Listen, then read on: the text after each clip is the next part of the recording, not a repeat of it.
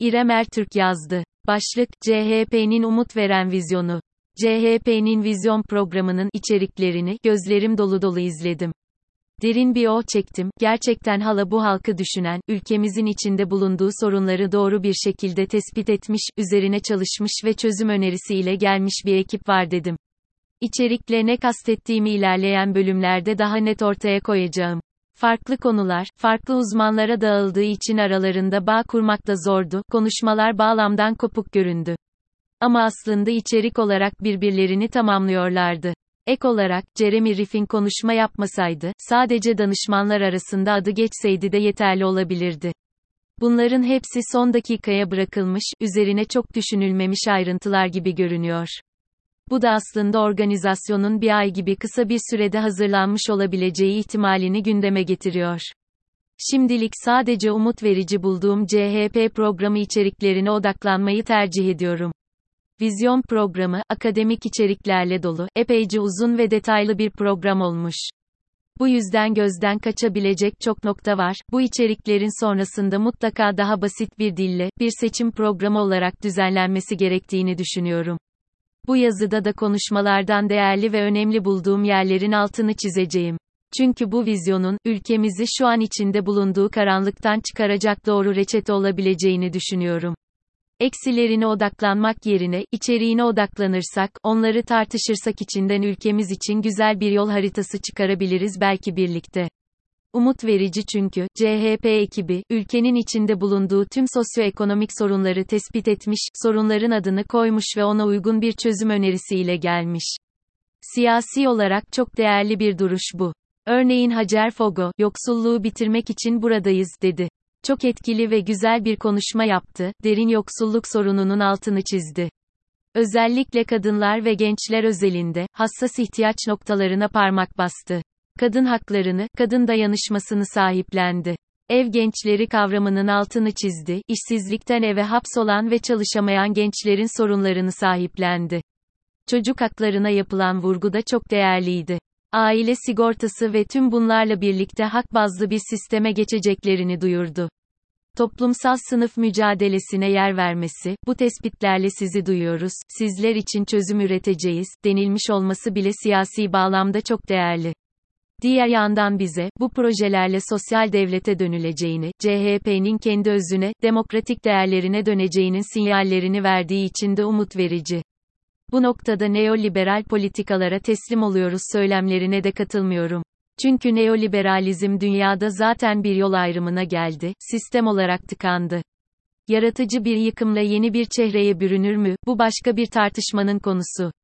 Neoliberalizm nedir, ne yapıyor diye merak ediyorsanız, bugün içinde bulunduğunuz koşullara, çevrenize, sokaktaki esnafın haline bakmanız yeterli.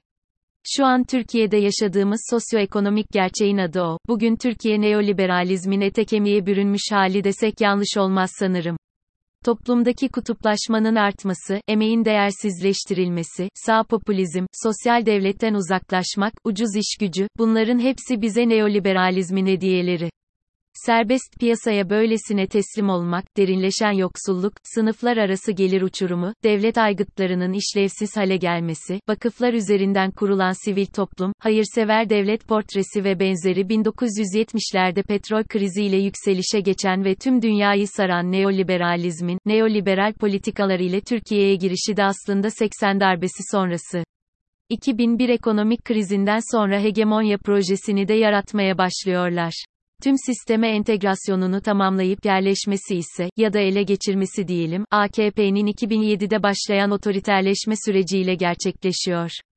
Dünyada zaten çıkmaza girmiş, miladını doldurmuş bir ekonomi politik akımını bu bilim insanlarının savunduğunu iddia etmek, bu noktada abesle iştigal. Herkes bu sistemden çıkmanın, ya da alternatif bir yol haritası bulmanın peşinde. Dolayısıyla bu insanların 20 yıl önce neoliberalizmin altın çağlarını yaşadığı dönemlerde yazdıkları kitapların, yazılarında evet günümüz gerçeğiyle pek bir alakası yok. Derin Acemoğlu da özellikle belirtiyor zaten desteklemediğini.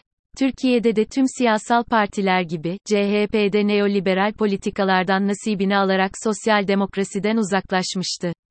Nokta. Fogo'nun güçlü dayanışma, örgütlenme ve sosyal devlet vurgusu bu noktada neoliberal politikalara karşı net bir duruşun sinyallerini veriyor benim için. CHP, iktidarın kamuoyunda yarattığı İLLÜZYONU bozdu. Enflasyon, kötü bir yönetim göstergesidir. Enflasyon demek, fakirden alıp zengine vereceğim, demektir. Enflasyonu yükselterek büyüyeceğim diye bir şey yoktur, dedi Refet Gürkaynak. Enflasyon tüm dünyada arttığı için bizde de artıyor ya da petrol fiyatlarının artması ile ilgili gibi söylemler gerçekçi değil diyerek de ekledi. Aralarında gerçekten de bir ilişki olmadığını paylaştığı grafiklerle bizlere gösterdi. Derin Acemoğlu ise, iyi bir ekonomi istiyorsanız, devlet ve toplum birlikte çalışmalı, ikisi de güçlü olmalı. Demokrasinin tüm kurumlara yerleşmiş olması gerekiyor, yoksa sağlıklı büyüyemezsiniz, dedi. Türk lirasının bu kadar değer kaybetmiş olmasının sebeplerini saydı. Merkez Bankası'nın yanlış yönetildiğini, para rezervlerini yönetemediğini, Finansal İstikrar Komitesi'nin çalışamadığını söyledi. Ekonomin toparlanması için de harcamaların ve regülasyonların, liyakat sahibi insanlar tarafından analiz edilip rapor edilmesi, yönetilmesi gerektiğini söyledi. Bilimde ve bilimsel üretimde ne kadar geride kaldığımızı, devletin elindeki parayı etkin kullanamadığı için kaynaklarımızın boşu boşuna nasıl heba olduğunu anlattı. Selin Sayek Böke'de konuşmasında tüm bunları bir araya toplayarak aslında CHP'nin vizyonunu açıkladı. Bilimle siyaset köprüsünü kurmak istiyoruz, bilimle bu ülkeyi yönetmek, geleceğimizi kurtarmak istiyoruz, dedi. Bunlar bizim gibi okumuş bir kesim için yeni şeyler değil tabii ki. Zaten olması gereken bu diye düşünebiliriz. Ama ben bugünkü Türkiye koşullarında, bir siyasi partinin, CHP'nin bu sorunları tespit edip, dünyanın en saygın akademisyenleriyle bu sorunların adını koymasını, onlardan çözüm önerisi almış olmasını ve sonunda bunu bir yol haritası olarak sahiplenmiş olmasını çok değerli buluyorum. Hepimizin desteklemesi gereken bir duruş bu. Teknotratlara ülke yönettirmek diye bir şeyin de söz konusu olduğunu düşünmüyorum. Tüm gelişmiş ülkelerde, devletin üst düzey makamlarının teknotratlarla, liyakat sahibi insanlarla donatılmış olması gerekir zaten. Normali budur. Hatta devletin bu insanları kendi bünyesinde, kendi verdiği burs ve teşviklerle ülkesi için yetiştirmesi beklenir. Bu olmadığında, devletin mevcut kadroları teknotratları kriz anlarında çözüm üretemediğinde, dışarıdan danışmanlık almak zorunda kalır. AKP'nin devlet yönetimi için McKenzie'den danışmanlık alması gibi. Herkesin ekonomist olarak eleştirdiği ve konuşmasında Türkiye gerçeğine pek de atıf yapmayan Jeremy Rifkin'i de ben bir ekonomist ya da ekonominin teslim edileceği biri olarak değil, Böke'nin açıkladığı Yeşil Dönüşüm projesinde danışmanlık alacakları bir isim olarak anlıyorum. Kılıçdaroğlu'nun zaten onlarca danışmanı var, niye garipsendiğine de anlam veremedim. Böke, konuşmasında açık bir şekilde küresel ekonomiye, yani yeni endüstri trendlerine, entegre olma hedeflerini paylaştı. Avrupa Birliği'nin yakın zamanda uygulamaya başlayacağı sınırda karbon düzenlemesinden bahsetti. Avrupa Birliği, 2020 senesinde Avrupa Yeşil Mutabakatı'nı açıklamıştı. Bu anlaşmayla 2030'da sera gazı emisyonlarını %55 azaltmayı ve 2050 yılında ise sıfır karbon, zero karbon, a ulaşma hedeflerini açıklamıştı. AB dışındaki ülkelere de sınırda karbon vergisi adı altında e-karbon fiyatlandırması öngörülüyor. İhracatının neredeyse %50'sine yakınını AB ülkelerine yapan Türkiye ekonomisi, bu süreçten ve bu gelen ek vergilerden ciddi bir biçimde etkilenecek. Böke'de bu yeşil üretim dönüşümünü gerçekleştirmezsek, gümrükte ağır ek vergi ödemeye başlayacağız. Bu vergiyi ülkede, vatandaşımızın cebinde tutmak istiyoruz, bu dönüşüm gerekli, dedi.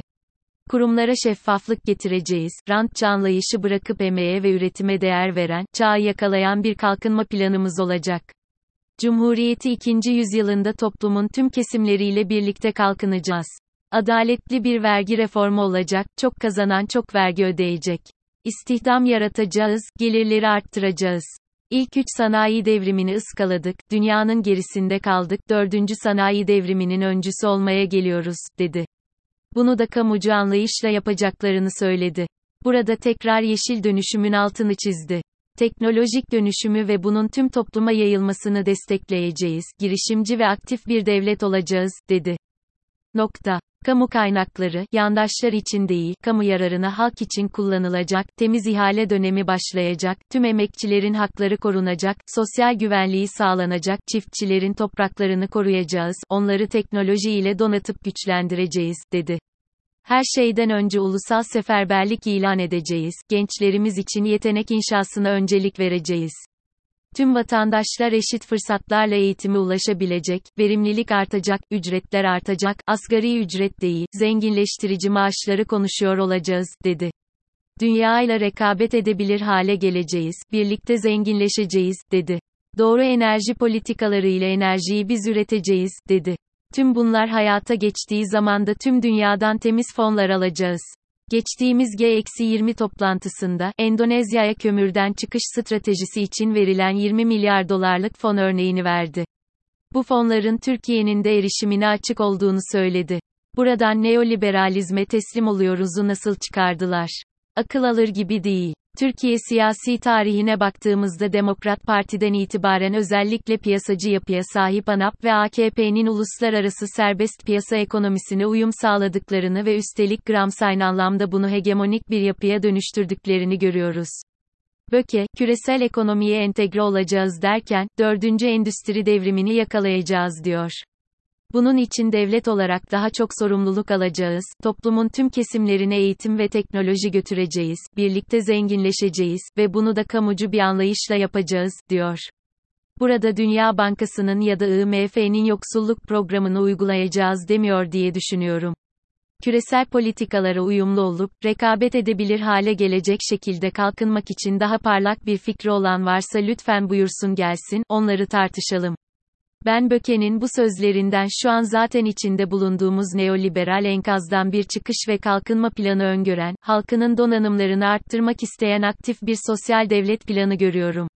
Bu politikalarla devletin gücü, sorumluluğu, kapasitesi ve etkinliği arttırılmak isteniyor. Katılımcıların siyasi profilleri diğer yandan konuşmacıların siyasi yönelimlerine dair eleştiriler var, ki bunların başında GS Lisesi'nde okuduğu yıllarda uğradığı psikolojik şiddete kadar konuşulmaya başlayan Derin Acemoğlu geliyor. Dar Koridor kitabındaki Cumhuriyet eleştirileri karikatürize edilmeye başlandı bile.